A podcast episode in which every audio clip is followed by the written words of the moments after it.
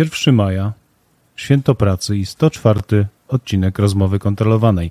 I tak, jak święto pracy, to pamiętajcie, że do dnia jutrzejszego trzeba rozliczyć PIT. Więc jeżeli jeszcze tego nie zrobiliście, to jest najwyższy czas teraz. A jak co tydzień spotykamy się w miłym gronie, które i podczas rozmowy, którą poprowadzą Adam Lange oraz Adam Hekle. Dobry wieczór. Ale zanim przejdziemy do rozmowy, Adam standardowo wyświetli prezentację. Tak, wiecie, ja lubię prezentacje wyświetlać. W sumie całe życie, co pan robi, wyświetlam prezentację. A, no więc chciałem powiedzieć, że w zasadzie mam jedno ogłoszenie na, w tej części duszpasterskiej. Mianowicie dzisiaj ukazał się drugi odcinek mojego podcastu Adam 1337. Jeżeli chcecie wiedzieć, co uznałem za ważne wydarzenia w obszarze cyberbezpieczeństwa w ostatnim tygodniu i co w nich było ciekawego, to z3.pl 1337 na, na YouTubie, na Apple Podcast, na Google Podcast, na Spotify'u. Wszędzie tam, gdzie można słuchać podcastów, to można słuchać także i mojego. Także serdecznie zapraszam. Podobno warto. 13 minut 37 sekund. Co za niespodzianka. Ja słucham, warto, e, warto, także polecam. Polecam dziękuję, Adam Lange. Dziękuję, dziękuję Adam Lange. Słuchajcie, naszym dzisiejszym gościem jest zastępca dowódcy komponentu Wojsk Obrony, Obrony Cyberprzestrzeni, taka jest to długa nazwa, Mariusz Chmielewski. A i e, o swoim życiu i o tym, co robi i e, o, o swoich sukcesach w sumie też nam opowie, więc zaprosimy, bez zwłoki zaprosimy Mariusza. Cześć Mariusz. Cześć. Dobry wieczór wszystkim. E, witam Was e, wszystkich. I dzień dobry przede wszystkim słuchaczom. Tak. Mariuszu, tradycja musi trwać, więc musisz, e, że tak powiem, się przedstawić, bo my się znamy, ale nasi słuchacze niekoniecznie muszą Cię kojarzyć, więc przedstaw się w paru słowach. Powiedz coś o sobie, czym się zajmujesz. Dobra. E, przede wszystkim, e, e, może już bez tytułów, stopni wojskowych, bo to zawsze wielu ludzi deprymuje, więc przede wszystkim mam przyjemność i zaszczyt być zastępcą generała Karola Molendy. Służę w dowództwie komponentów Wojsk Obrony Cyberprzestrzeni. Odpowiadam za piony informatyki, tak wprost, mówiąc informatyki i IT security. I to jest e, clue tego, czym się zajmuję i mam przyjemność ogromną zajmować się od e, w tej chwili już przeszło dwóch lat.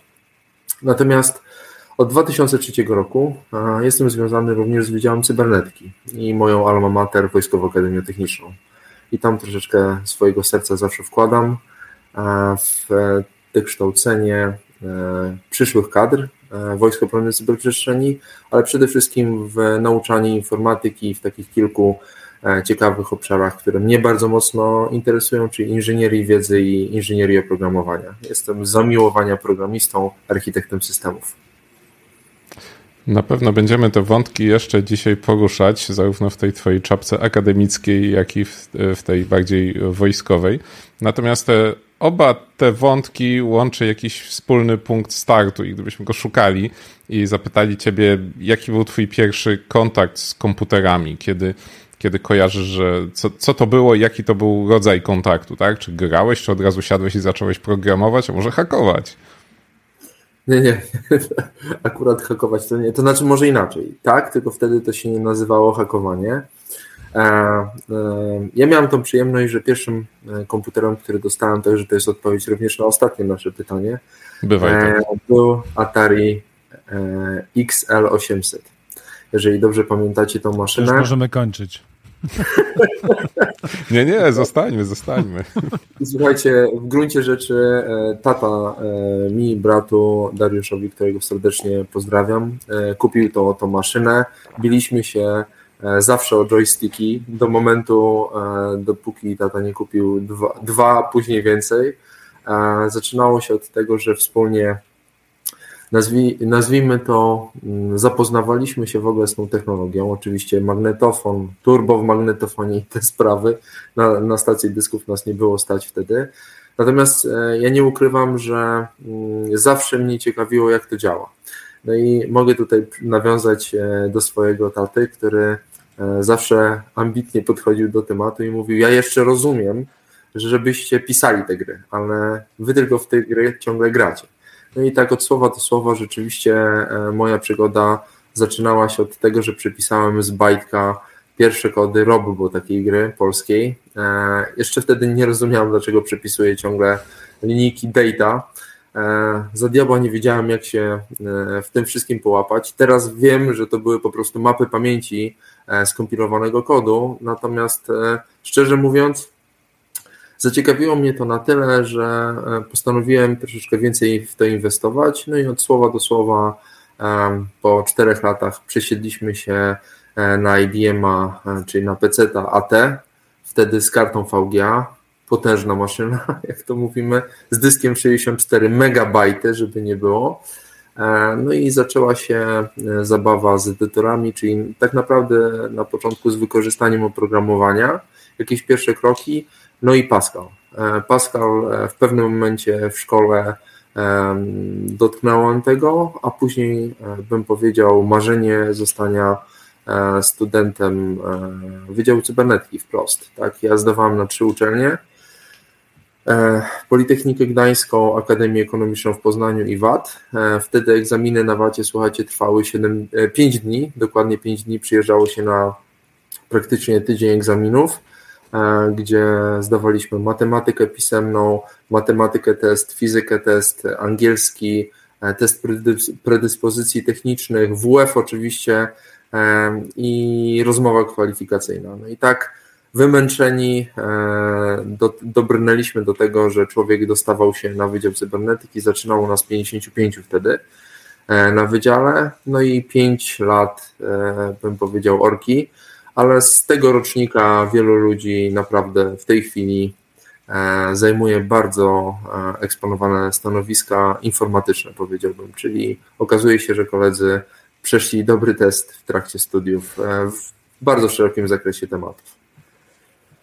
To tak na wstępie. Wspomniałeś, że ilu, ilu zaczynało z tobą na roku? 50? 54, 55 osób. Tam jedna osoba ze względu na zdrowie bym powiedział, w ciągu pierwszych dwóch tygodni nie była w stanie dokończyć tej tak zwanej unitarki. E, natomiast rzeczywiście to były studia, zresztą tak samo teraz, to są studia bardzo obciążające czasowo. Trzeba godzić wiele elementów takiej służby wojskowej, ale też systematycznej pracy. No i jeżeli ktoś sobie folgował, no to miał później problemy. Natomiast ja bardzo pozytywnie te studia wspominam z dwóch powodów. Przede wszystkim z racji tego, że nas było e, niewielu, no to każdy wykładowca miał dla nas czas. Jeżeli rozumiecie, o czym mówię, bym powiedział tak, e, byliśmy e, nawet znani z imienia, nazwiska u poszczególnych wykładowców, którzy teraz są moimi kolegami z pracy. Wielu z nich nazwijmy to, odcisnęło takie naukowe piętno na moim życiu, za co też im chcę bardzo mocno podziękować. Ja jestem wychowankiem profesora Negebauera, który zostawiał mnie na Wacie w 2003 roku e, do pracy naukowej. To też dzięki niemu e, rozpoczęła się ta droga e, rozwoju naukowego i zaciekawienia projektami naukowymi, rozwojem właśnie w zakresie sztucznej inteligencji, inżynierii wiedzy. Ja swój doktorat robiłem w zakresie wykrywania ogólnie grup i interakcji e, terrorystycznych i grup przestępczych z wykorzystaniem analizy semantycznej danych, więc e, to jest człowiek też, który tak prowadził i był takim mentorem e, naukowym w zakresie wielu projektów, za co też warto i chciałbym mu z góry podziękować, bo rzeczywiście to jest człowiek, który z uśmiechem na ustach prowadził mnie przez moje meandry naukowego rozwoju, tak? A ilu e, ukończyło z tych 54? E, Nas skończyło po e, przebojach typu dwóch spadło z rocznika wyższego na nasz rocznik, chyba czterech chłopaków odeszło, około 52 osób w sumie. 52 osób. Całkiem, niezły wynik. To, to dobra musiała być ta selekcja, że wybrano tych, którzy przetrwają. Bo na, no na z reguły na takich cywilnych uczelniach, to jak kończy połowa, to jest uznawane za sukces po, i wszyscy biją brawo. pada po pierwszym semestrze. Słuchajcie, e, znaczy nie, nie chcę chwalić e, tego, tego okresu, ale wtedy rzeczywiście młodzież była bardzo mocno zdeterminowana. Ja pamiętam, że myśmy się prześcigali w tej zaciekłości e, w zakresie wydolności fizycznej. Ja nie mówię tutaj o to, że to było kluczowe, ale rzeczywiście wstydem było opuszczanie pewnych, załóżmy, ćwiczeń w trakcie unitarki. E, co ciekawe, e, muszę Wam powiedzieć, że rzeczywiście wtedy bardzo dużo osób było na jedno miejsce przy, e, w, tej, w tym procesie rekrutacyjnym na Wydział Cybernetyki. Nas było chyba 15 osób na miejsce. To rzeczywiście odsiew był duży. Dużo osób chciało na ten wydział się dostać mm, i to wymagało wiele wyrzeczeń, bym powiedział, w trakcie studiów, żeby sobie pozwalać na, na odpoczynek w trakcie Pamiętajmy, że to też jest czas, kiedy w informatyce wcale tak dobrze nie jest. W 2002-2003 przypomnę tylko, że e, to nie był czas taki, że informatyk po prostu znajdował pracę. Myśmy wtedy normalnie, nawet e, e, podejmując się jakichś zadań pozaprogramowych, poza uczelnią, bo takie możliwości były, szukaliśmy normalnie pracy implementacyjnej. Tak? W firmach informatycznych, ja pamiętam, nie interesowała wtedy Java Enterprise, i to wcale nie było proste, żeby się w tym e, zakotwiczyć. Dlatego zacząłem pisać gry na telefony komórkowe. Wtedy. Ciekawe, ciekawe, może nam o tym opowiesz.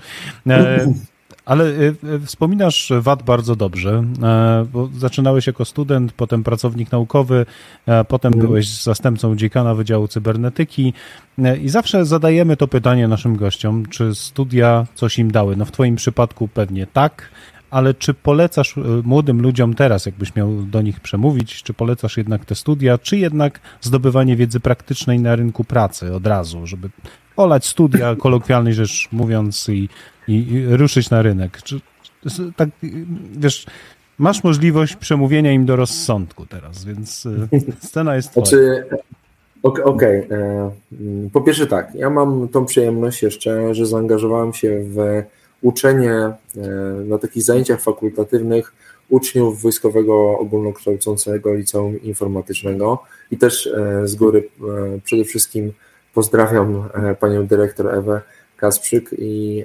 młodych uczniów tego liceum, dlatego że po pierwsze widzę tą różnicę pomiędzy tymi młodymi ludźmi a studentami. Z drugiej strony to, co jest niesamowite, jeżeli chodzi o studiowanie na uczelni technicznej. Jeżeli mogę przemówić Wam i teraz e, mówię do tych młodych ludzi, Wam do, e, do rozsądku, to wszelkie siły, żeby iść na studia techniczne. One dają e, rzeczywiście dużą samodzielność, to jest pierwsza rzecz, ale przede wszystkim uczą troszeczkę innych aspektów postrzegania swojego rozwoju zawodowego. Przede wszystkim My e, nie uczymy się na pamięć. My uczymy się naszymi rękoma wytwarzać i mówię e, zawsze, że informatyka to nie jest e, czarna magia i sztuka tajemna, tylko to jest inżynieria. A więc tak jak stolarz, ten programista, ten sieciowiec, on musi wytworzyć te 15 przysłowiowych symbolicznych stołów, żeby ten 16 stół był dobry. Więc jest to typowy kunszt i E, czeladnictwo, bym powiedział, jeżeli chodzi o wytwarzanie. E, I to jest e, przemiłe, fajne i jest pasjonujące. To nie jest prawdą, słuchajcie, że to odbywa się w taki sposób, jak widzimy na filmach, że haker hakuje, rozbierają się sześciany i tak dalej. Nie. To są żmudne godziny sprawdzania, czy w logach znajdują się odpowiednie zapisy, czy w kodzie jeden błąd potrafi naprawdę E, zająć 3-4 godziny szukania, już człowiek e, odchodzi od zmysłów, dlaczego to nie działa, wtedy idzie wypić kawę, przejść się, wraca i nagle znajduje głupi błąd, tak? E, rzeczywiście mózg się czasami wyłącza. Ale to wszystko powiedziałbym jest rekompensowane ciekawością tego zawodu. Ja miałem to szczęście, że od gier komputerowych przez gry wojenne po systemy wspomagania decyzji, przez systemy, które są typowymi systemami e, do wsparcia ubezpieczeń. E, realizowałem systemy diagnostyki medycznej, sztuczną inteligencję do, e, do medycyny, aplikacje medyczne współdziałające z sensorami, nawet po części wykrywacz emocji. To są wspaniałe tematy, które pozwalają nam naprawdę szeroko postrzegać informatykę jako taką w tej chwili e, dziedzinę nauki spinającą wiele elementów inżynierii. I to jest wspaniałe, bo tak naprawdę, jeżeli Was coś ciekawi, czy sport, czy, czy medycyna, czy cyberbezpieczeństwo, czy poszukiwanie, załóżmy, mm, jakichś elementów w mm, przepasnych zasobach danych, to zawsze w informatyce znajdziecie ten kawałek chleba. I to jest coś niesamowitego. Ja nie chcę powiedzieć, że informatyka jest królową nauk, bo tak nie jest. Ona się e, w tej chwili e, bardzo mocno skupia wokół aplikowania matematyki i nauk ścisłych, e, dlatego tym, tym, tym nam, którzy zajmują się taką, taką twardą informatyką, to bardzo mocno pasuje. Natomiast chcę powiedzieć jedną bardzo ważną rzecz. I to powiem z doświadczenia. Miałem e, wśród swoich studentów przyjaciół, e, powiem przyjaciół, nie tyle studentów, e, wychowanków, którzy byli genialnymi programistami, ale w życiu im, ich do ludzi bym nie puścił. Rozmawiać o analizie danych. Raz bym powiedział takiego człowieka, wypuściłem na taką analizę danych. Po pół godziny zadzwonił do mnie prezes firmy i kazał mi go zabierać bezpośrednio, bo po prostu no, był, nazwijmy to, mało dyplomatycznym e, człowiekiem. Tak? E, też trzeba postrzegać e, tą naszą skłonność do takiej introwersji, do rozwiązywania problemów, jako też bardzo często problem znajdowania konsensusu i umiejętności wytłumaczenia ludziom, zwykłym takim ludziom, którzy niekoniecznie pałają się pasją do informatyki, na czym to polega albo w jaki sposób możemy im pomóc. To tak bym powiedział taki wywód, który, e, który pokazuje. Natomiast e, jeżeli chodzi o tą informatykę wojskową, bo pewnie o to pytacie, e, ona jest bardzo ciekawa, bym powiedział, jest wymagająca. Dużo więcej wymaga się od takiego programisty. Powiem dlaczego wymagająca. Więcej wymaga się, jeżeli chodzi o rozumienie właśnie mechanizmu bezpieczeństwa. W większej części Mm, mam, czyli bardzo dużo obostrzeń mamy, jeżeli chodzi o również budowanie produktów, e, dostęp do środowisk programistycznych. Jest to e, bardziej uciążliwe, jeżeli chodzi o sam proces wytwarzania. E, I też niektórych rzeczy my z góry nie możemy realizować, albo w niektóre rzeczy nie możemy inwestować, jeżeli chodzi o na przykład technologię. Niektóre elementy też mo można się spierać z tym, e, ale to jest raczej w kwestii e, negocjacji, które, e, które my w ramach współpracy czy ze służbą kontrwywiadu wojskowego, czy z innymi instytucjami na styku mamy. W wielu technologiach, które już w tej chwili nawet w obszary rządowe wkraczają, my nie będziemy mogli sobie pozwolić ze względu na upostrzenia formalne realizacji pewnych systemów.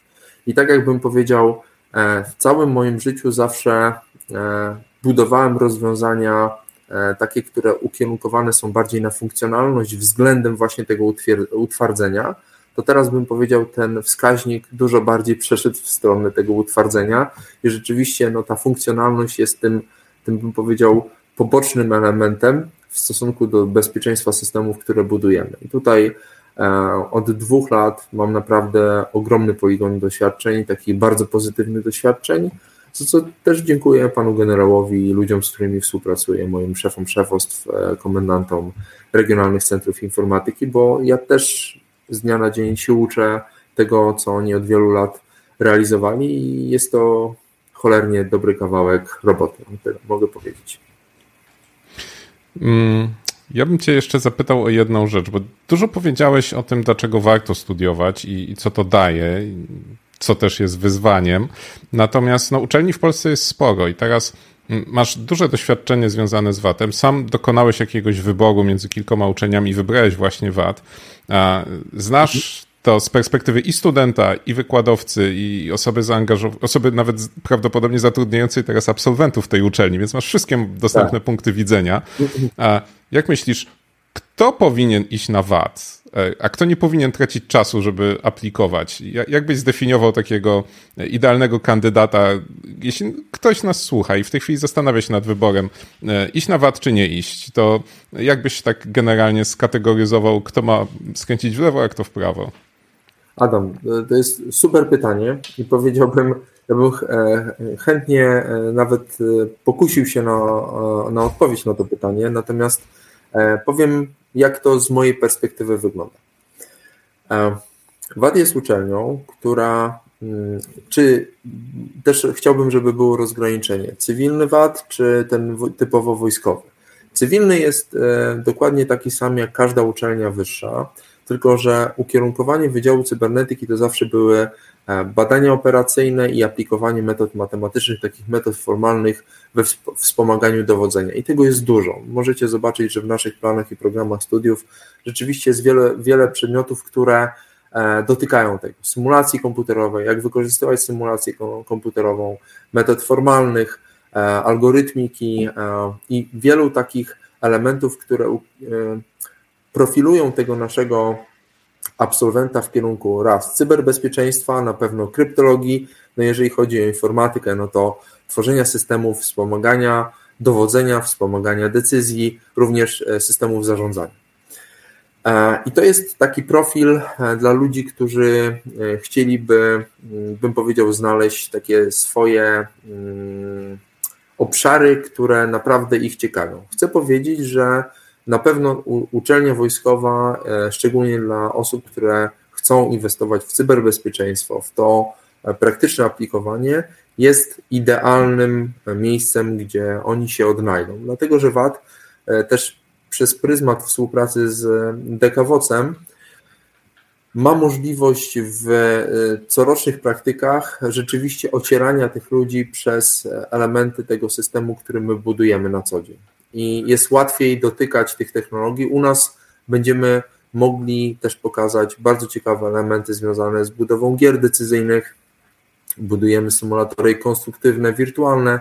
Także ludzie, którzy chcą zainwestować swój czas i rzeczywiście budować systemy, e, jak to mówią, gier dla dużych chłopców, jak najbardziej tak. To jest kawałek bardzo ciekawego chleba. Modelujemy walkę, mamy ludzi, którzy się tym e, zajmują od lat i, mm, i te cyberbezpieczeństwo również też jest widoczne i przejawia się w tych aspektach. Oddzielnym elementem jest, jest oczywiście kryptologia, czyli taka ukierunkowana matematyka. Mm, bym powiedział, to jest bardziej matematyka, e, w której e, informatyka gra rolę taką typowo implementacyjną.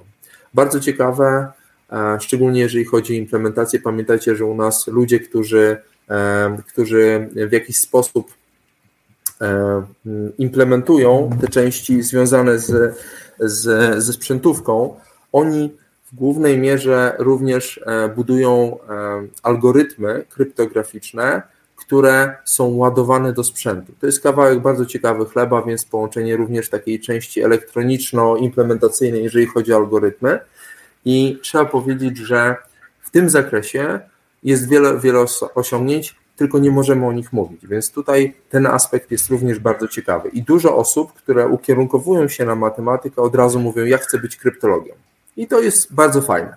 Jeżeli chodzi o te elementy takie implementacji zwykłego e, softu, e, to tutaj raczej chodzi bardziej o to, do jakiego promotora traficie. Nie oszukujmy się, bardzo dużo profilowania zapewnia Wam ten wykładowca wiodący VAT też e, ukierunkowuje się na studia w trybie indywidualnym. Jeżeli ktoś ma odpowiednie e, wyniki w nauce, może spokojnie pokusić się o to, że rzeczywiście to takie zindywidualizowane podejście będzie stosowane w jego przypadku.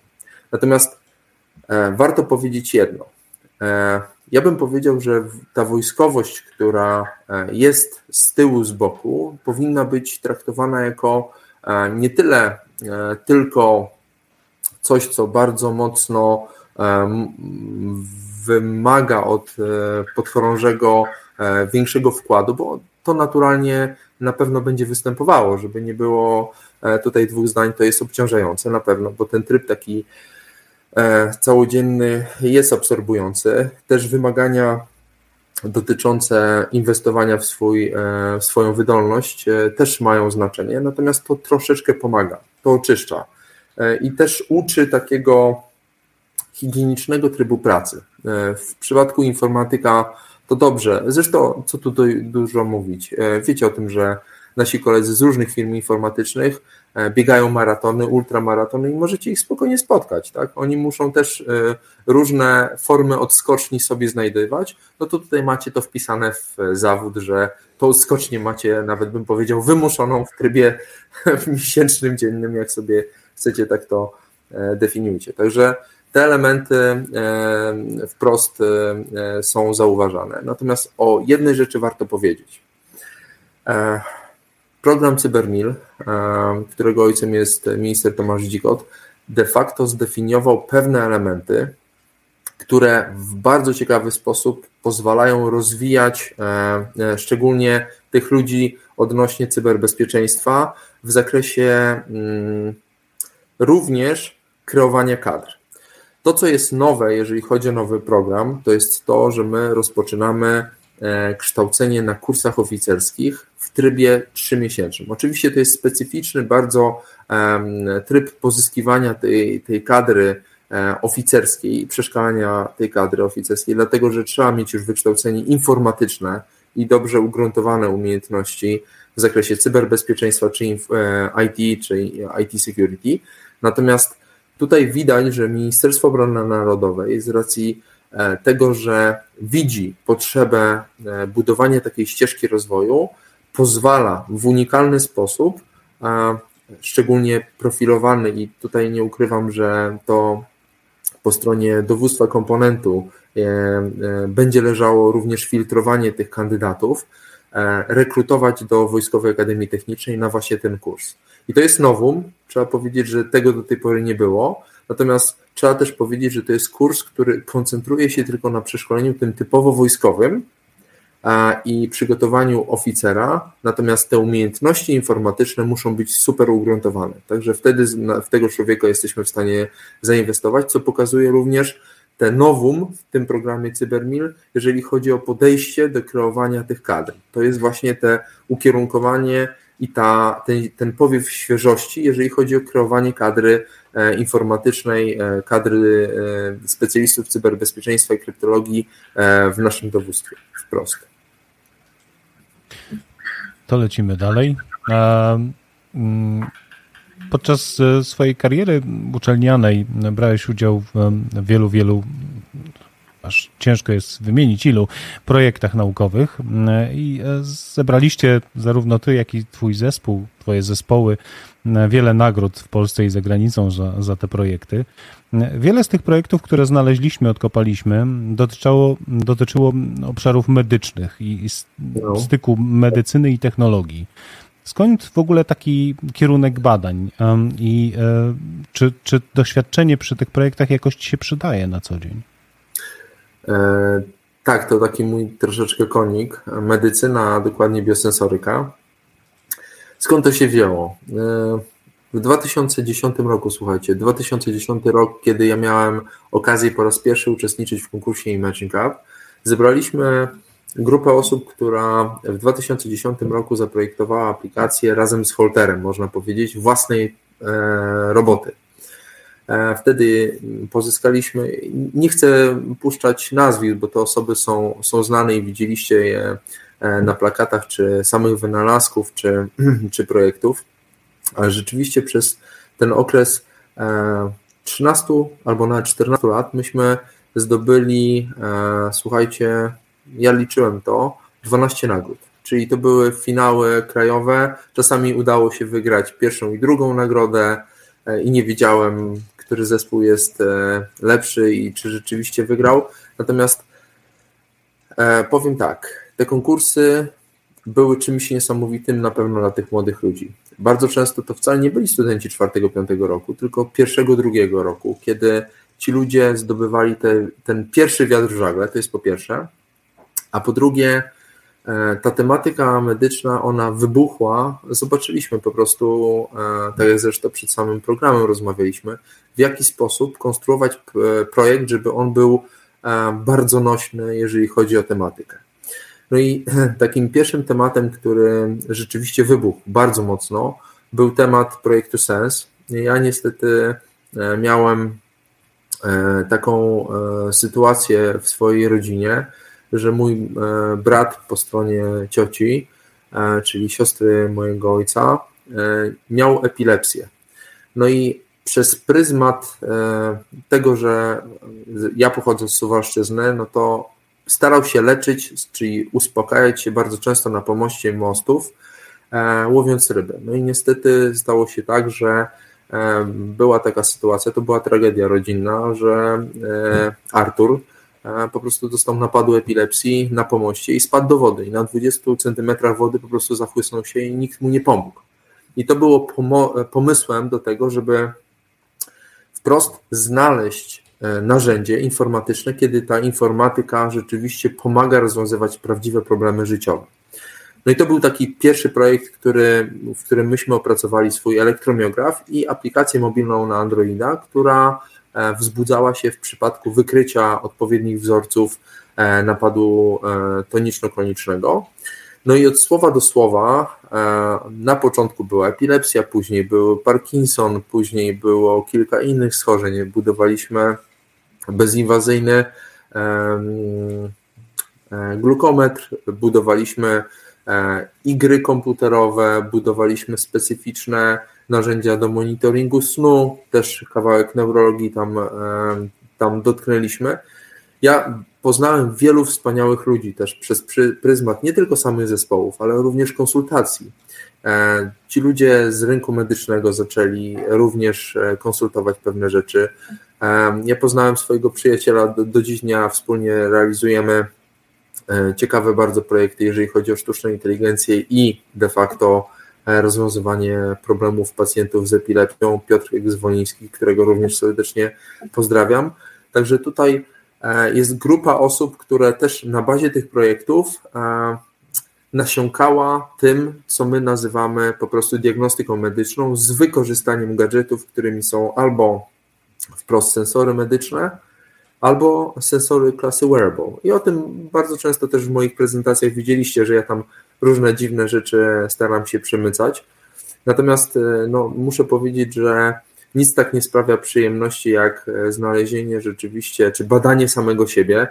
E, I chyba dwa lata temu skończyliśmy koszulkę biomedyczną, taką, w której ja pozwoliłem sobie 350 przeszło treningów zarejestrować takich długodystansowych, gdzie miałem zapis e, po pół giga praktycznie swoich wszystkich danych biomedycznych na czterech kanałach EKG, elektromiografię i innych takich rzeczach, po to tylko, żeby wertować te dane i żeby zobaczyć, co w człowieku piszczy. No, we mnie tam kilka rzeczy złych piszczy, ale to, to myślę, że nie ma zdrowych ludzi, tylko źle zdiagnozowani. Natomiast rzeczywiście to taka pasja e, wynikająca z widzicie co, z ciekawości tego, co, co rzeczywiście może technologia dać. Bo e, powiem tak, ja już e, nieraz z tymi młodymi ludźmi zmieniałem telefon komórkowy w różne dziwne rzeczy. E, no i w tym przypadku ta technologia mobilna, która ratuje rzecz, życie, czy tam osób chorych na epilepsję, czy osób, które rzeczywiście mają problemy z unormowaniem swojego poziomu cukru, no to jednak również gdy zwrotnie ci ludzie piszą do nas e, z prośbą o zakup, e, o przyłączenie do testów, to naprawdę daje taki e, pozytywny feedback, gdzie możemy powiedzieć, kurczę, jednak ta informatyka schodzi do tego najniższego użytkownika, któremu naprawdę możemy pomóc. To daje niesamowite, niesamowitą satysfakcję. Bardzo fajna historia, bardzo, znaczy smutny początek, ale wyprowadzenie tego na, na pomaganie ludziom. Okazuje się, że i na wacie można prowadzić badania, które ludzi ratują, a nie zmierzają do ich anihilacji, tak jak z reguły no, ludzie rozumieją wojsko. Blisko, wiesz, to bardzo blisko siebie jest, jak to mówią, jak to mówią.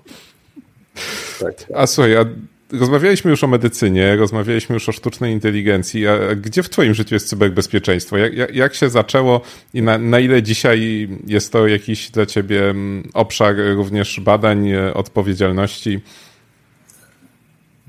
Bardzo dobre pytanie, ale wprost e, odpowiadam. Cyberbezpieczeństwo zaczęło się króciutko przed e, moim wprost przejściem do, do NCBC wtedy i do rozpoczęcia współpracy takiej szerokoskalowej z panem generałem Karolem Molendą.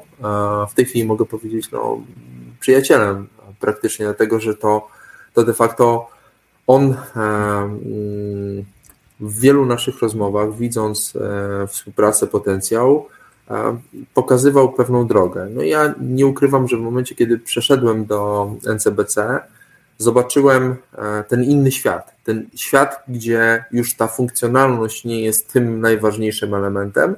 No i nagle postawiono takie zadanie, no to jak już to wiesz wszystko, to teraz spróbuj skorygować to, co dajesz ludziom, albo to, co chcesz, co chcesz e, w informatyce robić.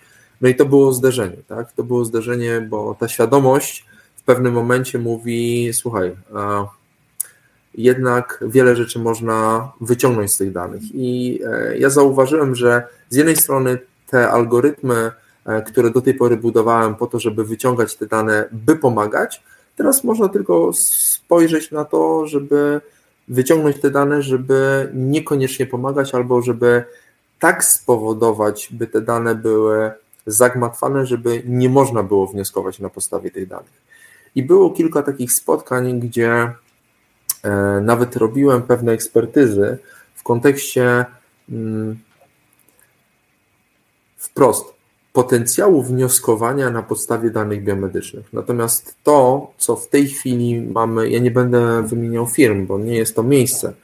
Natomiast e, miejmy świadomość, że te urządzenia, które my nazywamy wearables, czyli długoterminowy monitoring biomedyczny e, poszczególnych osób, e, już jest na tyle dokładny, że słuchajcie, po oddaniu krwi mój zegarek mi mówi, chłopie, wydolność dwa punkty w dół, tak? Także musimy rozumieć, że e, to jest niesamowicie dokładne algorytmicznie narzędzie i już tutaj nie chodzi o dokładność pomiarową, tylko algorytmy wnioskowania, te aproksymacje są na tyle spersonalizowane, skalibrowane, że one gwarantują praktycznie super, e, super wygładzanie tych danych albo dostosowanie e, do danego osobnika. I tym, tym należy się przerażać, bo wprost, jeżeli ktoś wykorzysta niecnie tą wiedzę na temat nas i naszego organizmu, no to wyobraźcie sobie, że mm, ja już to ostatnio mówiłem dla kolegów, którzy są w jednej z, ze znanych jednostek wojskowych specjalnych, e, że ja już nie potrzebuję robić, e, albo jestem w stanie ich przekonać, że nie potrzebujemy robić im całodniowych testów. Wystarczy takie pół godziny dobrego testu wydolnościowego i naprawdę jesteśmy w stanie powiedzieć wszystko o tym człowieku. Nie? To jest, jak to mówią, i przykre, i ciekawe, tak. Kurczę, i teraz wszyscy, którzy mają na rękach jakieś smartwatche się zastanawiają. Zdejmują, tak. Tak, tak, jakie dane, albo prze, przekładają na kostkę u nogi, żeby oszukać Ale to system. dobrze, słuchajcie, to, to dobrze, bo to idzie w kierunku takim, że tak naprawdę te dane, które będziemy zbierali, czy w tej chwili zbierają te urządzenia, one będą również mogły być wykorzystywane do ratowania ludzi, tak, wprost. Bo tutaj tym nadrzędnym, takim ciekawym tematem, który nas interesuje, jest to, że algorytmy e, wykrywania wzorców schorzeń, e, wykrywania różnego rodzaju anomalii w działaniu naszego organizmu mogą być zwiastunem no, poważnych schorzeń. I Dlaczego nie? Dlaczego nie wykorzystać tego na rzecz medycyny, tego, żeby się szybko diagnozować, żeby pójść wcześniej do lekarza i mieć sprawę z głowy, tak? To jest nadrzędny cel. A idziemy dalej. Jak trafiłeś na stanowisko zastępcy dyrektora NCBC? Opowiedz nam o tym. Aj, 2020 rok. A, mm, pan generał kilkukrotnie nawet przed, e, przed tym, e, tym tematem, gdy rozmawialiśmy o jakichś sprawach e, wcześniej projektowych, które związane były czy z rozbudową aplikacji, które miałem okazję wtedy robić. Była taka budowana aplikacja, którą zresztą w tej chwili rozbudowujemy na rzecz rekrutacji do Wojska Polskiego, zostań żołnierzem Rzeczpospolitej. W ramach tych prac no, zostałem zauważony i rozmawialiśmy na temat e, sposobu zarządzania. E, też e, opowiadałem między innymi na temat tego, w jaki sposób w ogóle stosuję techniki zarządcze, te, te zwinne techniki zarządcze. Że to niekoniecznie ta dokumentacja jest najważniejsza, tylko bezpośredni kontakt i zarządzanie jako lider pewnego zespołu, bo wtedy te zarządzanie jest efektywne. No i od słowa do słowa była propozycja. Pan generał zaproponował, no i zrządzenie losu chciało, że mm, poznaliśmy się bardzo, bardzo mocno e, w takiej krytycznej sytuacji i e, bym powiedział decyzyjnej dla mnie.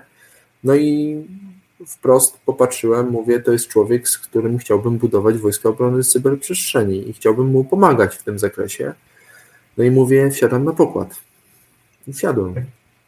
E, nie ukrywam, że to nie była taka decyzja ad hoc. E, pytałem się wielu ludzi. E, ci ludzie również wiedzieli, jak mocno jestem związany z Alma Mater.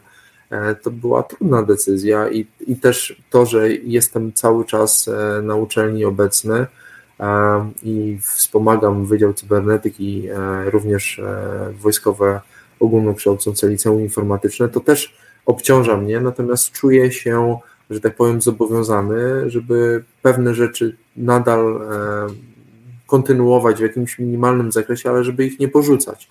I stąd e, te nasze rozmowy, i tutaj nie ukrywam, że bardzo mocno związałem się z panem generałem i też e, bardzo pozytywnie oceniam to, jaki e, wkład w mój rozwój też ten człowiek ma, pozwoliły mi na to, że troszeczkę zmieniłem swoje ogniskowanie i priorytety na, nastawione tylko na typowo naukowe projekty.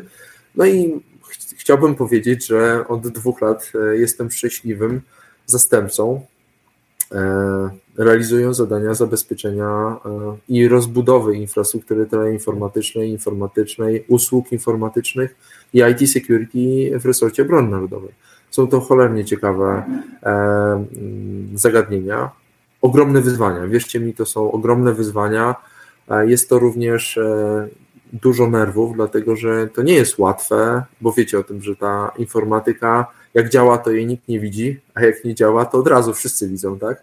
Więc jest to troszeczkę stresu, ale mam bardzo, bardzo e, dobry zespół osób, e, z którymi współpracuję. E, w wielu aspektach chylę czoła, to naprawdę jest, jest ogromny potencjał osób, które od wielu lat, od wielu lat budowały te, te struktury informatyczne, dlatego chcę powiedzieć, że dowództwo komponentów Wojsk Obrony Cyberprzestrzeni no ma szczęście wprost, że ten kapitał został zbudowany i że jest dowodzony przez takich ludzi jak jest. No. Nawiązując do tego zakresu obowiązków, który na ciebie spadł i tej odpowiedzialności za też bezpieczeństwo całej infrastruktury gigantycznej. Pewnie większość naszych słuchaczy nawet sobie nie wyobraża, jak wiele różnych urządzeń, sieci, E, struktur e, zarządzania jest e, w wojsku polskim, jak bardzo jest ten poziom komputeryzacji już zaawansowany. Ale no, nie, nie, sposób nie zauważyć słonia w pokoju, czy też tak. rosyjskiego słonia w Ukrainie. Rozumiemy, że na dużo detali nie, nie usłyszymy, ale zakładam, że na co dzień świadomość tego, że mamy niebezpiecznego sąsiada, który za wszelką cenę chce dostać się do naszych sekretów, mhm. jest ogromna, no bo to, to, taki też pierwszy oczywisty przykład, tak, kto nas atakuje. Wiadomo, że ze wschodu przychodzi spora część tego, z czym musicie sobie radzić. Czy to, że dzisiaj Rosja napadła Ukrainę i tak naprawdę weszła już w taki bardzo otwarty konflikt ze światem Zachodu, a, a my jesteśmy po tej drugiej stronie jako jeden z tych krajów, które bardzo mocno Ukrainie pomagają, czy faktycznie jest tak, że musicie robić wszystko jeszcze bardziej, czy to jest po prostu dzień jak co dzień i, i wasza praca tak naprawdę polega dokładnie na tym samym i robicie dokładnie to samo, tylko no nie wiem, może tych e, ataków zliczacie więcej, ale tak naprawdę nic w waszej pracy się nie zmieniło. Widzicie różnicę przez ostatnie dwa miesiące, czy, mhm. czy nie? Odpowiedź e, krótko i zwięźle, tak. E, ale oczywiście powiem tak. E, ja, od, ja od, chciałbym odpowiedzieć przede wszystkim za swój pion. To obciążenie jest oczywiście zauważalne, tak? Wprost wprowadzenie wyższego poziomu, czyli Charlie CRP alarmowego, wprowadzenie wielu e, elementów związanych e, z naturalnym, jak w tym przypadku, e, stanem zagrożenia, czy tam poziomem alarmów jest zauważalny i musimy się bardziej sprężać. Natomiast trzeba powiedzieć o jednej bardzo ważnej rzeczy. U nas w dowództwie w NCBC jest sytuacja taka, że mamy trzy piony. Te trzy piony funkcjonalne, merytoryczne, one z jednej strony zabezpieczają, z drugiej strony badają to, co się dzieje w sieciach, z trzeciej strony e, również reagują na implementację e, zaleceń. I nie ukrywam, że najważniejszym elementem, który w tej chwili e, zauważamy, to jest ten element, że te, że te wszystkie piony, one w tej chwili zacieśniły współpracę. Nie ma, wy, nie ma wyjścia i one muszą synergizować, czyli budować coś, co pokazuje, że na styku, jak do tej pory mogły być jakieś, e, nazwijmy to niedopowiedzenia, to teraz musi być pełna współpraca i pełne zrozumienie. To jest bardzo e, pozytywnie odbierane i ja, ja sobie bardzo chwalę współpracę z kolegami. E, druga rzecz, o której warto powiedzieć, to my nie zatrzymaliśmy rozwoju systemów, które budowaliśmy. Powiem więcej, mamy jeden sukces. Ja nie mogę mówić o tym sukcesie. Chodzi o budowę jednego z systemów który był budowany od 2018 roku i mamy to, można powiedzieć, technologicznie jest to kawał bardzo ciekawej roboty. Jest to system wieloklauzulowy i wysokoklauzulowy, tyle mogę powiedzieć. I e, to był ogromny wysiłek ludzi, a technologie, które zostały tam zintegrowane, jeżeli chodzi o warstwy sieciowe, warstwy bezpieczeństwa, to jest majstersztyk tych ludzi, którzy to robili. No, wyobraźcie sobie dokumentację techniczną e, i bezpieczeństwa, która ma powyżej 3000 stron. Nie? No tak bym powiedział. No, nie, Dobrze, nie, że ktoś to, dokumentuje. Tak, tak. To musiało być, bo to jest element e, składowy. Dając do zrozumienia, e, tutaj nie ukrywam, że my przede wszystkim musimy zabezpieczyć siły zbrojne i Urząd Ministra Obrony Narodowej w narzędzia, E, które gwarantują e, te bezpieczeństwo. To jest ogromny wysiłek e, i, i nie dość, że mamy tą dostępność, którą musimy budować, to jeszcze dodatkowo zauważmy, że te bezpieczeństwo, ono jest gwarantowane nie na podstawie tylko mechanizmów, które ktoś wymyśla, ale które narzucają albo ustawy, albo wprost dokumenty formalne, czy NATO, czy E, czy inne dokumenty formalne, które uzgadniamy na poziomie rozporządzeń czy ustaw o ochronie informacji niejawnych.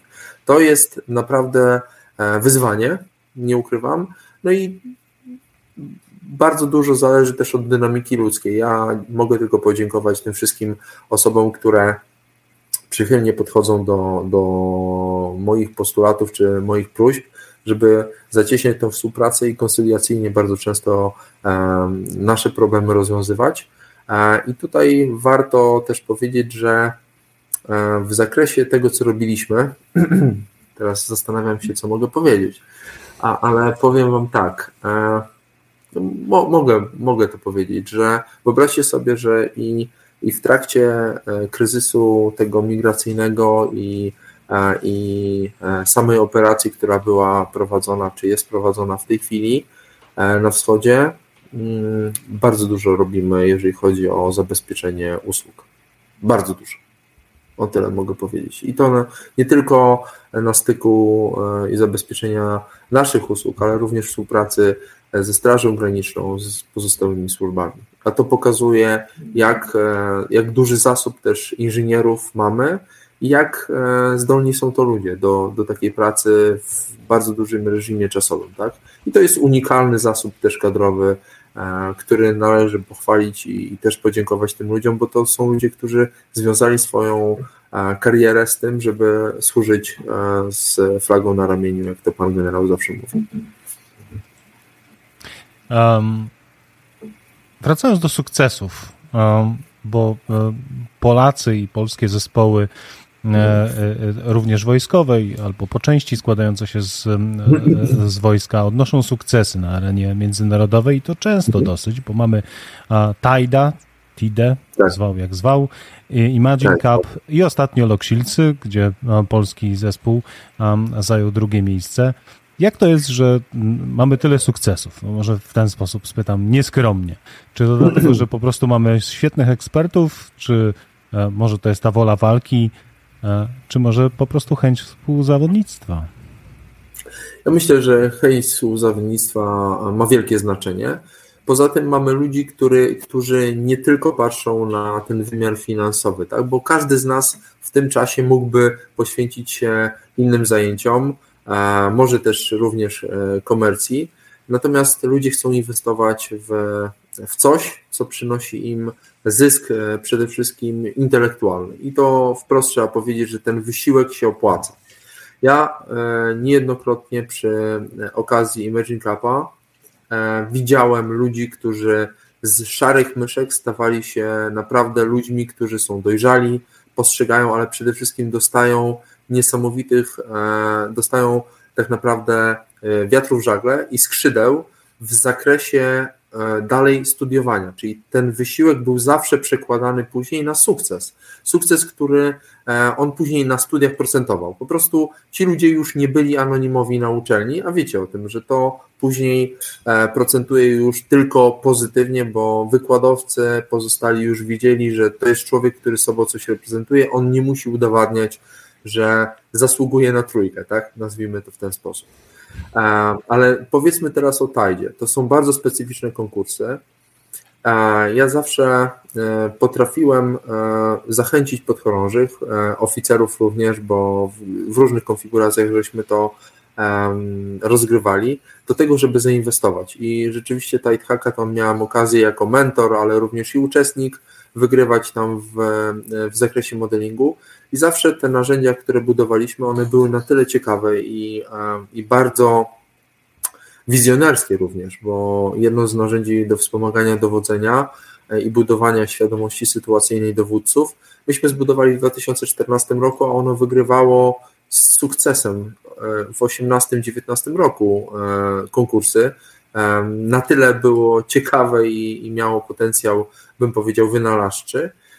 Natomiast te konkursy typowo cyberowe, jak ja to nazywam, czyli e, Lock Shields, to jest wysiłek nie tylko wojskowy. Tu trzeba powiedzieć, że e, te zespoły są po pierwsze interdyscyplinarne i moim zdaniem to jest klucz do sukcesu. Jeżeli jesteśmy w stanie zbudować zespół interdyscyplinarny, ludzi, którzy e, w odpowiedni sposób niesamowicie są w stanie w krótkim okresie czasu sprężyć się do tego, żeby ogromny ten wysiłek przełożyć na sukces, no to jesteśmy w domu, tak? I miałem okazję w tym roku widzieć tych ludzi, którzy zasuwali z niesamowitym poświęceniem też i zaangażowaniem i widziałem z dnia na dzień tę belkę, która wzrastała i ci ludzie wychodzili i mówili tak, w tym roku to jest to, kiedy e, pokażemy, kiedy znowu e, będziemy w stanie. No i trzeba powiedzieć, że to procentuje. I co roku, jeżeli widzimy, że ten sukces jest coraz więcej, coraz, coraz lepszy, coraz więcej osób się angażuje, no to możemy powiedzieć, że no w tym roku to jest 90 osób przeszło, które się zaangażowały w, ten, e, w, ten, w trakcie konkursów e, tą pracę. I wierzcie mi, przy ogłoszeniu wyników e, widziałem łzy w oczach i, i też zadowolenie tych ludzi, którzy po prostu bijąc sobie brawo nawzajem, gratulowali sobie tego wysiłku. I tutaj chciałbym powiedzieć jeszcze jedną bardzo ważną rzecz. Pomimo tego, że prowadzone są konkretne działania operacyjne u nas. Ci ludzie, oprócz tych obciążenia tych, tymi działaniami, byli w stanie bardzo często e, zaangażować się dodatkowo. I to jest, nie ukrywajmy, oko w głowie pana generała. E, tutaj generał e, Karol zawsze mówi, jak bardzo ważne to jest, nie tyle wizerunkowo, chociaż też ale przede wszystkim do budowania zespołu, do tego, żeby budować te relacje.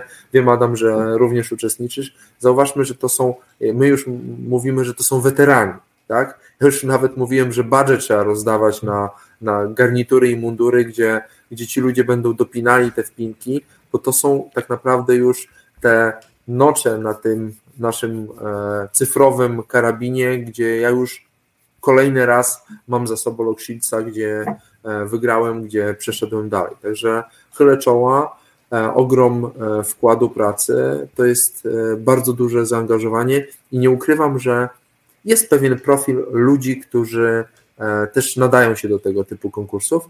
To są właśnie tacy, to jest sieciowiec, ale taki, który lubi drążyć i lubi czasami włożyć, jak to mówią, patyk w szprychę. To, to jest taki typ człowieka, który przydaje się w takim konkursie. Mariusz, rozmawialiśmy o ludziach, rozmawialiśmy trochę też o pieniądzach, rozmawialiśmy o strukturach, rozmawialiśmy o narzędziach. A jak myślisz, czego potrzebujemy jeszcze jako wy, jako, my jako kraj, a ty jako NCBC, e, żeby dogonić naszych e, sojuszników z zachodu? No bo oni są to kilka długości przed nami. Wcześniej zaczęli budować te kompetencje, mają inne budżety, mają też inne doświadczenie. E, zaczęliśmy ich gonić kilka lat temu, idzie nam całkiem nieźle. Na początku zawsze jak mamy dużo do nadrobienia, to ten pęd jest szybki. Natomiast Czego dzisiaj byś życzył, żebyś miał więcej, żeby to szło lepiej i sprawniej? Nie wiem, pieniędzy, ludzi, e, sprzętu, doświadczenia, mm, okazji do ćwiczeń, takich jak teraz nam sąsiedzi dostarczają. E, mhm. Co, co najlepiej napędza ten rozwój tak, e, tak ogromnego zespołu i, i budowania takich trudnych do zbudowania kompetencji, bo ludzie się czegoś uczą, a świat ucieka i trzeba cały czas gonić. Co jest w tym wszystkim najważniejsze, żeby to szło dobrze?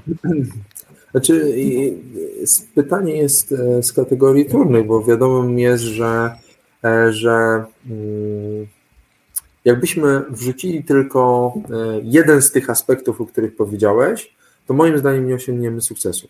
To ewidentnie to jest na zasadzie takiej, że jeżeli będziemy dorzucali, załóżmy, technologii, czyli mamy dostęp do dowolnej technologii, jaką chcemy i dorzucamy tylko technologii, nie patrząc na rozwój e, kompetencji naszych ludzi, e, albo nie dając im, bym powiedział, tego bufora rozwoju, czy to wojskowego, czy zawodowego, to myślę, że nie uzyskamy mm, tego efektu. My przy wielu rozmowach, czy w ramach programu CyberMil, E, czy w komendzie e, z panem generałem e, i z pozostałymi zastępcami bardzo często rozmawiamy między sobą, jak to pogodzić, bo chcemy tak naprawdę, żeby ci ludzie mieli satysfakcję z pracy. Ale jest kilka elementów, które zawsze przeszkadzają. My musimy konkurować oczywiście z rynkiem cywilnym. Tutaj jest to widoczne i wiemy o tym, że, że bardzo często no, przegrywamy, ale to nie o to chodzi, żeby też e, za wszelką cenę e, finansowo e, gwarantować tyle, co mają na rynku cywilnym. Nigdy tego nie będzie i uważam, że też wcale nie o to chodzi. My służymy, jeszcze raz mówię, służymy, nie pracujemy, tylko służymy.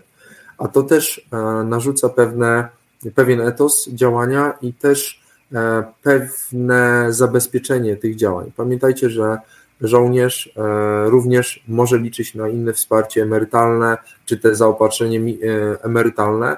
Też inaczej e, jest postrzegany w kontekście mm, innych warunków, takich przy ewentualnych kredytach. Mamy zapewnione warunki mieszkaniowe. O to ministerstwo dba bardzo mocno. Więc można powiedzieć, że to też jest ukierunkowane, żeby te kadry budować. Jeżeli teraz popatrzycie na to, co się dzieje, jeżeli chodzi o nowe, mm, o nowe mm, przepisy związane z właśnie tym przeszkoleniem wojskowym, a legię akademicką, zbudowanie całego systemu, czyli e, rozpoczęcie szkolenie na e, Wojskowym Ogólnokształcącym Liceum Informatycznym. Tam ładuje się bardzo duże e, środki finansowe i inwestuje w ich pozalekcyjne działania, czyli ten ten młody człowiek ma naprawdę dostęp do tego, co tylko chciałby mieć, aby się rozwijał. I później trafia e, na uczelnię wyższą. Pamiętajcie, że zmienił się, ustawa o obronie ojczyzny też zmieniła wiele aspektów e, tego, w jaki sposób się studiuje na uczelniach wyższych. Podchorążowie będą dostawali pensje, normalnie e, pensje wojskowych, co daje dosyć dobre pieniądze za studiowanie na uczelni wyższej, tak? Czyli dostaje wikt, plus te wszystkie elementy i jeszcze pensje. To buduje naprawdę bardzo ciekawy taki e, ekosystem dla młodego człowieka, żeby on mógł rozpocząć swoją przygodę z informatyką, nawet jeżeli nie stać go na to, ale ma w głowie poukładane, wie co chce od swojego życia. Ja miałem okazję kiedyś e, rozmawiać też z pewnym generałem z obcej armii, który mi powiedział, co jest kluczem do sukcesu. I on powiedział, że w ich armii każdy informatyk wie, że Inaczej zbudowany jest system rozwoju takiego oficerskiego, takiego informatyka, specjalisty cyberbezpieczeństwa. To jest pierwsza rzecz, czyli ma szybszy rozwój w kontekście jego stopni wojskowych. Druga rzecz to jest oczywiście ten sławetne, sławetna gratyfikacja, czyli dodatek informatyczny, czyli za to, że służy w tych wojskach. I trzeci element, który jest najważniejszy. Będziesz mógł robić takie rzeczy, których normalnie w cywilu nie można robić. To jest taki, taka obietnica, bym powiedział, ale ważniejsze to jest to, że ty budujesz swoją wartość szybciej, będąc w, tych, e, w tej instytucji. I moim zdaniem to jest to, co przekonuje, czyli te budowanie tej wartości, tej świadomości, którą e, nasi ludzie mają. Ona w wielu aspektach jest wymuszana, bo to, to są obostrzenia, które mamy, ale wierzcie mi, że ta świadomość później E, przekłada się na to, że ci ludzie są chętnie e, po e, zakończeniu swojej służby uwzględniani w dalszym rozwoju w firmie. No, każdy z nas wiąże swoją przyszłość z armią do pewnego momentu, później będzie musiał wybrać albo znaleźć na siebie pomysł. My też pomagamy tym ludziom, którzy zrzucają mundur i przechodzą do, do cywila. Mamy dla nich też ofertę, ale również widzimy, w jaki sposób rynek usług cywilnych ich traktuje. I to są bardzo często lukratywne pozycje, gdzie można powiedzieć wprost, ten człowiek zbudował tą wartość tutaj, tak? On zbudował swoje, e, swoje, swoje szlify, czy swój wizerunek e, w, na tym rynku właśnie w tej instytucji, tak? I to moim zdaniem jest tą nadrzędną wartością. E, a gdybyś znalazł e, lampę cyber Gina, który mógłby spełnić Twoje trzy życzenia, ale musiałyby one dotyczyć cyber security albo IT, to jakie byłyby mhm. to życzenia? O kurczę. Wow. Mm, ale mówimy o technologii czy organizacji, bo tych życzeń jest wiele, tak? Dowolne. Okay, trzy najważniejsze. Trzy najważniejsze dla Ciebie życzenia. Jedyna szansa w życiu, żeby naprawić cały świat IT i cyberbezpieczeństwa. Wiecie co?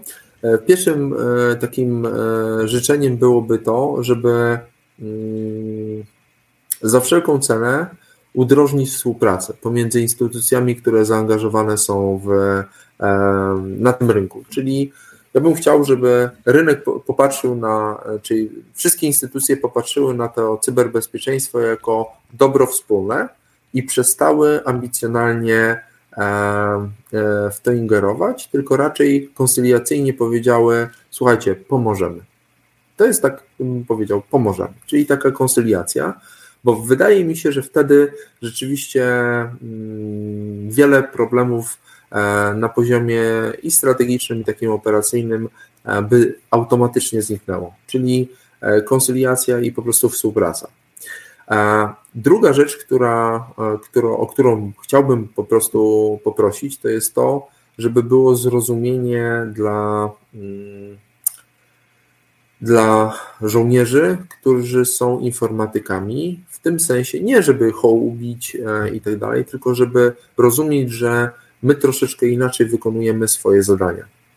E, mm, że to nie jest właśnie typowe działanie od do, tylko to jest działanie takie, że gdy jest ta praca, to jedziemy do samego końca.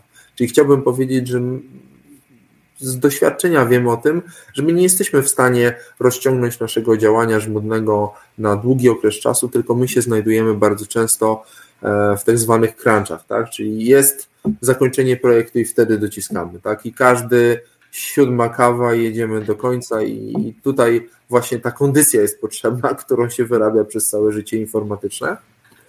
I to było te drugie życzenie. Trzecie życzenie, wiecie co? Ja bym chciał mieć taki telefon. Taki telefon, który byłby bezpieczny, o tak bym powiedział. To jest takie marzenie. Taki bezpieczny telefon bym chciał mieć. To jest, takie Słuchaj, to jest pomysł na następny projekt. Tak, tak. Wiem, e, obiecuję też panu generałowi zawsze, że znajdziemy sposób, zrobimy kilka takich rzeczy ciekawych. I, i ja powiem szczerze, że fajnie by było, żeby ludzie, z którymi się pracuje, znajdowali pasję w tym, co robią. Bo jeżeli oni znajdują pasję, nawet jeżeli to jest instalowanie nowego firmware'u w sprzęcie sieciowym, to ja bym chciał, żeby to ludzie robili z pasją. Jeżeli to będą robili z pasją, przekonaniem, to na pewno będzie dobrze. A gdybyś nie pracował w wojsku, to kim byś był? Jak, wiem, że to pewnie nie jest takie oczywiste pytanie, bo rzadko się nad tym zastanawiamy, ale gdybyś tak pomyślał, gdzie mógłbyś się jeszcze odnaleźć? No ja wiem gdzie. To znaczy, ja mm, mając e, te, tego bzika na punkcie tych e, zabaw z medycyną, myślę, że mm, jakiś startup i konkretne rzeczy związane z wynalazkami e, z tego zakresu. To takie marzenie CTO jak najbardziej. Zresztą mnie bardziej interesuje nie tyle polityczne, tylko działanie, chociaż zarządzania nawet prowadzę wykłady na MBA-u, natomiast ta inżynieria oprogramowania to jest taki konik, który ja lubię dotykać e, i rzeczywiście ten Chief Technology Officer to zawsze jest coś, co sprawia niesamowitą przyjemność. Miałem okazję i archi być architektem i architektem korporacyjnym w wielu projektach, więc e, to jest taki fajny kawałek chleba, który, czyli tworzenie, ogólnie tworzenie jest bardzo fajne. No to masz taki startup, który istnieje od kilkuset lat i zatrudnia kilkadziesiąt tysięcy ludzi. Tak, to, to, to Prawie tak. to samo. Tak, tak, tak, tak. No Słuchajcie, bo są, są komentarze, że e, upgrade'owanie firmware'u i konfiguracja to, to, to niekoniecznie pasjonujące zajęcia. Ja wrzucę, że no nie do końca. Pamiętajcie, że jakby, nie wiem, ja kiedyś spotkałem się z taką konfiguracją, że um, akurat router był voice over IP i trzeba było wiedzieć, jak ustawić częstotliwość dzwonka w takim routerze, w konfiguracji, żeby routera nie spalić. Także to, to nie są proste rzeczy.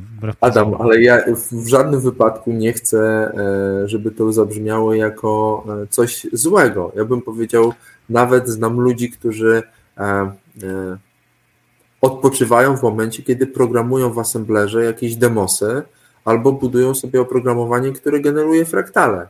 Co kto lubi? To jest kwestia no tylko... Ja ostatnio zacząłem się zajmować Lego Mindstorm, tak dla odprężenia. Bardzo fajna zabawa.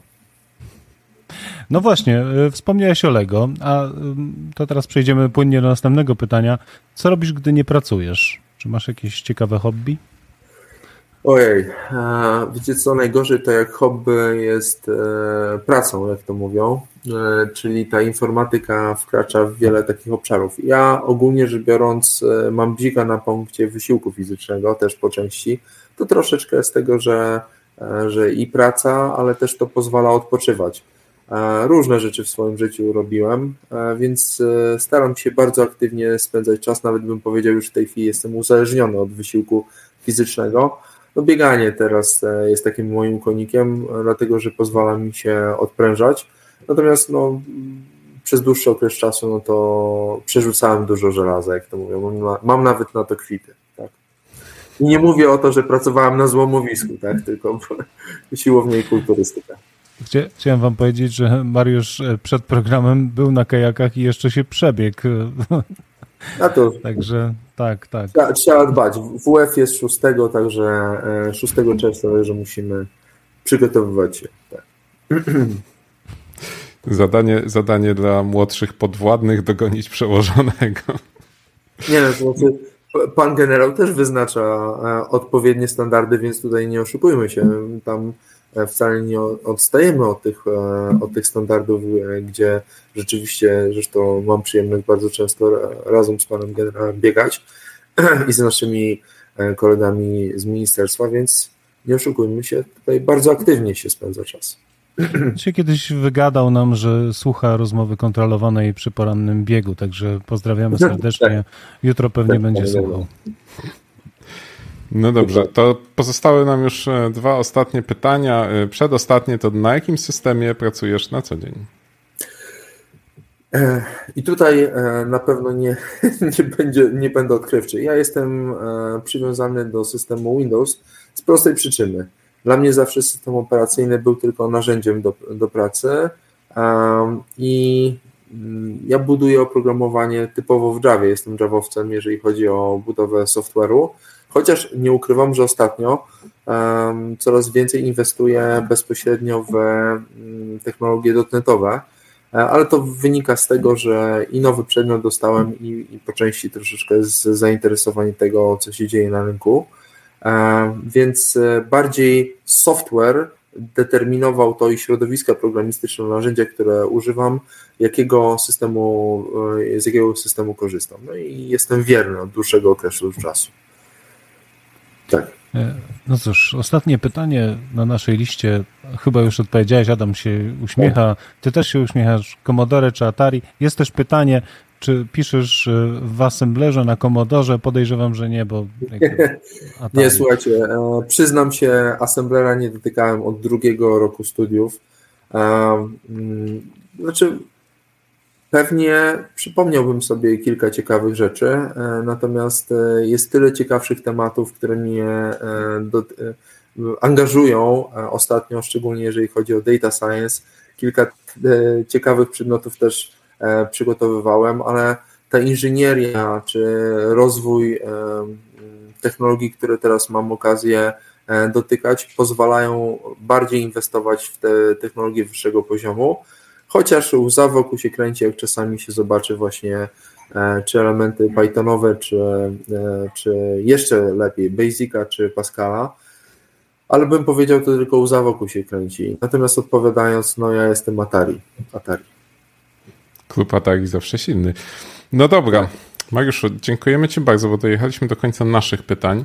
Teraz e, zaraz oddamy e, głos e, i zadawanie pytań w Twoje ręce. Ja tylko przypomnę naszym słuchaczom zasady, które obowiązują w trakcie tej sesji czyli odpowiedzi tylko na czacie YouTube'a, jeżeli oglądacie nas na Facebooku albo na LinkedInie, bo tam też transmitujemy na żywo, to musicie się przełączyć szybciutko na nasz kanał YouTube, jeżeli chcecie wziąć udział w konkursie. Po drugie, decyduje kolejność odpowiedzi, którą widzimy w naszym oknie. To różnie może u Was wyglądać. My widzimy rzekomo ten widok obiektywny. No i po trzecie, jeżeli ktoś już daną nagrodę wygrał, to mamy prośbę, aby w danej rundzie odpuścił. A sponsorem nagród jest firma Ring, część Amazona, robiąca różne urządzenia, takie jak kamery, dzwonki i tego typu. A teraz grać będziemy o kamerę bateryjną. I tu od razu jeszcze przepraszam wszystkich zwycięzców poprzednich dwóch edycji. Ciągle jeszcze ich nie spakowałem, ale jutro mam dzień z kartonem. Dzień, dzień spędzony z kartonem. Będę pakował chyba z 30 takich pudełeczek i będą już następnym razem wysyłane od ręki, bo będą czekały na Was spakowane. Także gracie o kamerę. Kto wygra już kamerę, odpuszcza, za chwilę będziemy grać o dzwonki. Jak ktoś już ma kamerę, może wygrać dzwonek, jak ma dzwonek, może wygrać kamerę. Mariuszu, w twoje ręce. Ja wyświetlę pytanie, Mariusz, a ty możesz je przeczytać. Tylko ja tak patrzę, on dokładnie. Ale powiedzmy jeszcze jedną. Trzy pytania, które wcześniej zaproponowałem, były za słabe, więc już mówię, idę w ciemno, tak? Więc trzeba dać e, tak, żeby było geekowo i trudno.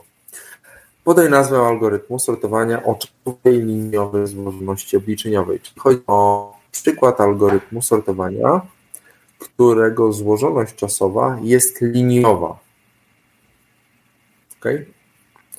Przypomnę, że są algorytmy proste sortowania, są algorytmy rekurencyjne sortowania, one mają troszeczkę złożoności quasi-logarytmiczne, kwadratowe, a mi chodzi o algorytm taki dziwny, który e, schodzi do złożoności liniowej, który najprawdopodobniej nie był projektowany jako algorytm sortowania. Statystycznie wszyscy znają Mamy? tylko sortowanie bąbelkowe, więc nie, to, to nie jest prawidłowe. Wiedziałem, no to widzicie, szukajcie dalej. Szukajcie dalej. Dalej tak, jedziemy dalej. odpowiedzi. Kopiec, quicksort, zliczeniowy, nie, nie. sortowanie, przedstawianie. Nie, nie, nie, nie. Jedziemy dalej. Jest jedna metoda. No, podpowiem, eee, że. W, no, czy przyjmujemy angielską nazwę? Jak? E, czy, czy przyjmiemy angielską nazwę? Tak, tak, oczywiście, ale trzeba ją przeczytać, jeżeli byście mi ją podali. Um, dobrze. Albo na, na czacie wewnętrznym. Tomasz AD odpowiedział bucket sort, czyli Chyba pasuje. Tak, pasuje. Wy, zwycięzca, do, dokładnie, o to chodziło. Tak, Oczywiście, żeby to... było jasne, słuchajcie, żeby było jasne, sortowanie, to jest algorytm, który sortuje, natomiast jego wadą jest oczywiście ogromna złożoność pamięciowa, dlatego że tam jest taki trik zastosowany, że rzeczywiście trzeba w odpowiedni sposób alokować w pamięci mm, odpowiednią macierz, czy tam tablicę, w której umieszcza się wystąpienia poszczególnych wartości. No i niestety ten algorytm nie sortuje zawsze w tak efektywny sposób, jakby powinien sortować, czyli dla e, pewnych układów danych wejściowych wcale nie jest efektywne. Natomiast jak najbardziej zaliczamy tą odpowiedź. Dziękuję. No dobrze. Tomaszu, e, zwycięzco, e, e-mail na adamopazaufana trzecia strona.pl z numerem paczkomatu i numerem telefonu. Poproszę. No dobra. A... Adamie. Adamie. E, tak, to ja. E, gramy o dzwonek. Teraz dwa razy gramy o dzwonek, więc dwa dzwonki, doorbell trzy. A ja sobie sam obsłużę swoje pytanie, ponieważ e, ja lubię takie pytania rocznicowe i mamy właśnie rocznicę ciekawego bardzo wydarzenia, bo 23 lata temu w Himalajach coś się wydarzyło i to było bardzo ważne dla historii zdobywania Himalajów i generalnie wspinaczki. Co to było? Odpowiedz przynajmniej trzema słowami, żebym wiedział, że, że nie strzelasz. Ja wiem, A. ja wiem. Tak, wiesz, naprawdę?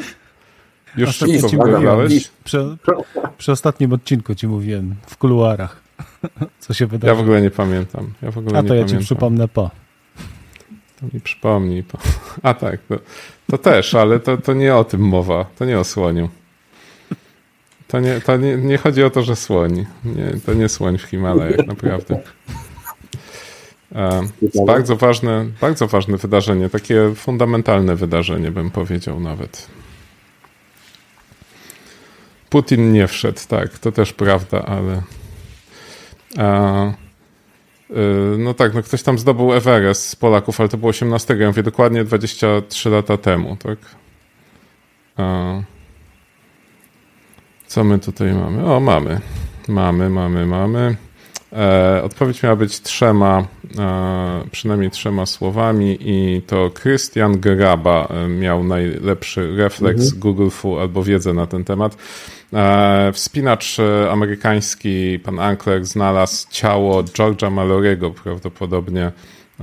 Człowieka, który być może, według niektórych zdobył, według innych prawie zdobył, ale był jednym z, z najsłynniejszych tych, którzy próbowali zdobyć Everest więc e, George Malek został znaleziony właśnie 1 maja, dokładnie 23 lata temu, w 1999 roku.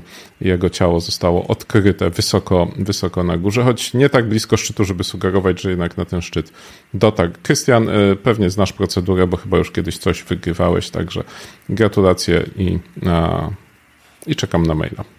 E, ja kasuję te maile z waszymi numerami paczkomatów i telefonów, więc nawet jak już wygrywaliście, to prześlijcie jeszcze raz. Adamie drugi. Teraz, teraz najprostsze z tej trójki pytanie. E, dzisiaj nie będzie filmowo, dzisiaj będzie po hakersku. I e, zadanie jest następujące.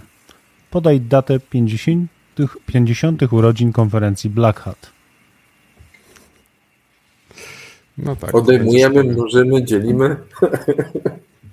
tak. tak, to I jak dużo, dużo arytmetyki. Dużo arytmetyki będzie, tak.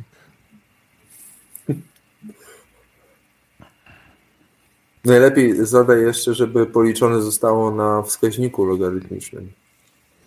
O, o, o, i żeby ktoś wrzucił jeszcze filmik, jak to robi. Nie? To... Dokładnie, jak to robi, to od razu. tak. Datę. Data, data obejmuje prawdopodobnie również dzień i miesiąc, proponuję. Tak, tak, dzień i miesiąc jeszcze.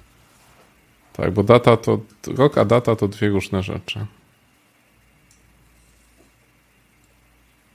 No dobrze, no to mamy. Mamy.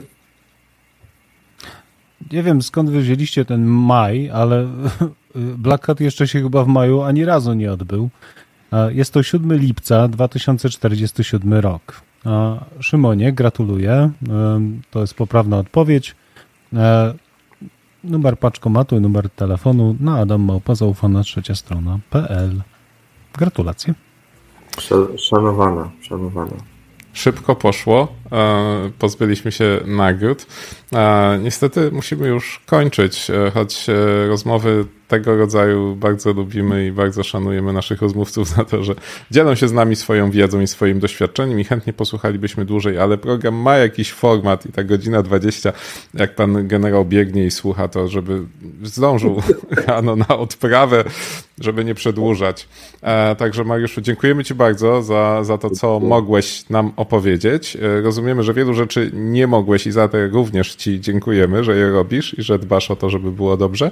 E, więc trzymamy kciuki za to, żeby to, czym się zajmujesz, się rozwijało, dawało satysfakcję i tobie, i twoim podwładnym, a nam, jako obywatelom tego kraju, dawało poczucie, że jesteśmy bezpieczniejsi.